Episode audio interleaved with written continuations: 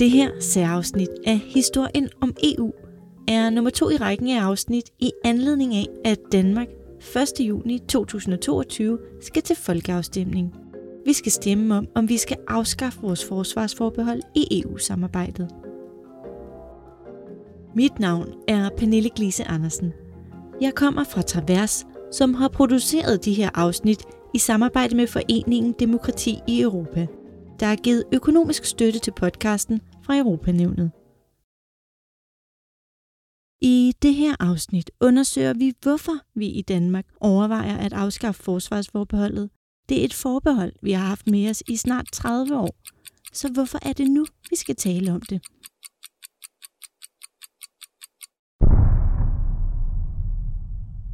Rusland vender op og ned på vores virkelighed, da de invaderer Ukraine. Der er nu krig i Europa. Der er et Europa før den 24. februar 2022, og der er et Europa efter. Fliegeralarm in Kiew. Seit der Nacht greift Russland Ziele in der Ukraine an. Hele Europa er rystet over de billeder, der kommer fra Ukraine. Kiev, de l'Ukraine. La guerre est déclarée. BBC News special in the last several hours, Russia has invaded Ukraine. Krig er meget langt fra de fleste europæers hverdag. Men nu er krig pludselig ikke noget, der kun sker langt væk. Netop det har tvunget danske politikere til at se nærmere på Danmarks sikkerhed. Det er blevet tydeligt, at selvom vi her i Danmark lever i fred, er det stadig vigtigt at tage ansvar for vores egen sikkerhed. Forsvaret af vores land. De værdier, som vi synes er vigtige, som for eksempel demokrati og menneskerettigheder. Den danske regering og et bredt flertal i Folketinget indgik få uger efter invasionen af Ukraine et såkaldt nationalt kompromis. Det betyder, at partierne har lovet hinanden, at fremover skal der bruges langt flere penge på forsvaret, og Danmark skal styrke samarbejdet med sine allierede, NATO og EU. Men fordi vi i Danmark har forsvarsforbeholdet i EU, der gør, at vi står uden for EU's forsvarssamarbejde, anbefaler regeringen og et flertal i Folketinget, at vi helt afskaffer forbeholdet. Vi, der står her sammen i aften, har derfor givet hinanden hånden på, at der skal afholdes en folkeafstemning den 1. juni i år, hvor vi anbefaler danskerne meget klart at afskaffe forsvarsforbeholdet. De anbefaler, at Danmark går all in i udviklingen af EU's forsvars- og sikkerhedspolitik, på lige fod med de 26 andre EU-medlemslande. Men for at gøre det, skal der pilles ved forsvarsforbeholdet, altså de grundlæggende betingelser for vores EU-medlemskab.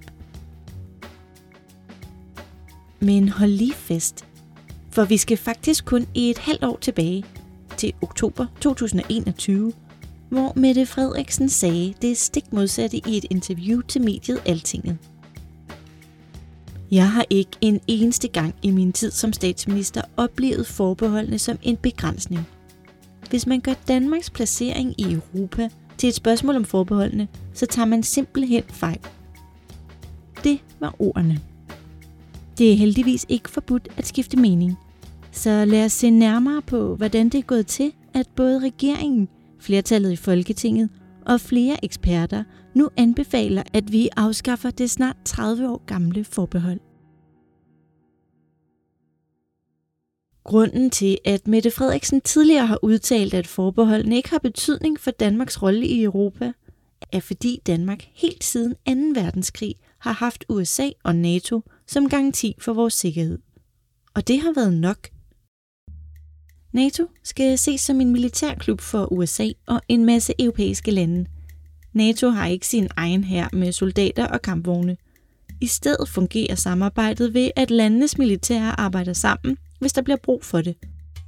Og så har de her lande lovet hinanden en vigtig ting. Man kalder det en musketered. En for alle og alle for en. Hvis et land bliver angrebet, skal alle de andre lande hjælpe det land, for eksempel med soldater, kampvogne eller fly. NATO er heldigvis stadigvæk en stærk alliance. Danmark har for eksempel netop som NATO-medlemsland sendt militært isenkram afsted til et andet NATO-land, nemlig Letland, der grænser op til Rusland. Der er ifølge forsvaret tale om den største danske udsendelse af mandskab og materiel i Europa i 23 år.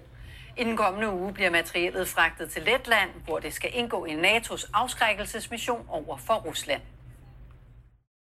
Og Sverige og Finland, der ellers ikke tidligere har været medlemmer, forventer at søge medlemskab som konsekvens af Ruslands invasion af Ukraine.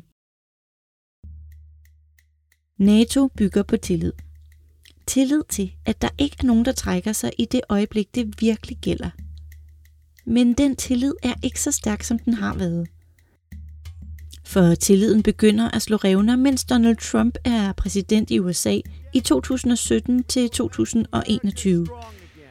And yes, together we will make America great again. Trump kalder NATO forældet og kritiserer de andre medlemslande for ikke at bruge penge nok på deres forsvar, modsat USA, der bruger langt flere penge. You know, we're protecting Germany, we're protecting France, we're protecting everybody, and yet we're paying a lot of money to protect. Now, this has been going on for decades. This has been brought up by other presidents, but other... USA er det stærkeste medlem af NATO, og Donald Trump gør de andre NATO-lande nervøse. Kan man regne med, at USA har Europas ryg, hvis der udbryder krig? Kort efter kritiserer Frankrigs præsident Emmanuel Macron NATO med store ord. Han kalder NATO for hjernedød. Well, France's President Emmanuel Macron has taken other European leaders by surprise by criticizing NATO. Now, in an interview with The Economist magazine, Macron said that the alliance was experiencing what he called brain death. Han er fortaler for, at vi i Europa og især EU-medlemslandene selv skal kunne afskrække vores fjender og kæmpe for vores demokratiske værdier ude i verden. He said it was being undermined by a lack of coordination and by the unpredictability of US President Donald Trump. But Chancellor Angela Merkel and the head of NATO Jens Stoltenberg have rejected Macron's remarks. Da Emmanuel Macron første gang kritiserer NATO og taler varmt for et fælles europæisk forsvar, er de andre europæiske ledere ikke rigtig med ham. Men nu, med Ruslands invasion af Ukraine, bliver det pludselig strengt nødvendigt for EU at tale om sit eget forsvar og militære engagement, og det er alle enige om. Nu er alle klar til at tale om det europæiske forsvar. I EU er der bred politisk enighed om, at vi skal være uafhængige af USA's udenrigspolitik. For hvem ved, hvem der er den næste siddende præsident i USA, og hvad han eller hun kan finde på. Så afstemningen om EU-forsvarsforbeholdet handler om, om Danmark, ud over sit NATO-medlemskab, også ønsker at være en del af EU's forsvar. Det er ikke et spørgsmål om enten eller, altså om vi satser på NATO eller EU i dansk forsvars- og sikkerhedspolitik. Det er et spørgsmål om, om vi skal gøre begge dele. Ser vi på EU's historie, har et samlet europæisk forsvar altid ligget lidt i skyggerne. EU startede som en kul- og stålunion i 1952 ud fra en idé om, at når man som land handlede med andre lande, så kunne man sikre fred, fordi man gjorde sig afhængig af hinanden. Derfor er Danmark som udgangspunkt ikke gået ind i EU med et ønske om at være en del af et militært samarbejde. Så det at droppe forsvarsforbeholdet og gå med i en militær alliance med EU er noget af et skifte for vores EU-identitet. I næste afsnit skal vi se nærmere på argumenterne for og imod at afskaffe forsvarsforbeholdet. Og så skal vi se på, hvad det er for nogle missioner EU de involverer sig i ude i verden. Der er i afsnittet brugt lyd fra DR's TV-avis, britiske BBC News, franske TV5 Monde, tyske CDF og DW News. Der er lånt klip for Donald Trumps præsidenttale fra 2017, NATO-topmøde i 2018 og statsministeriets pressemøder den 24. februar og 6. marts 2022. Tak fordi du lyttede med.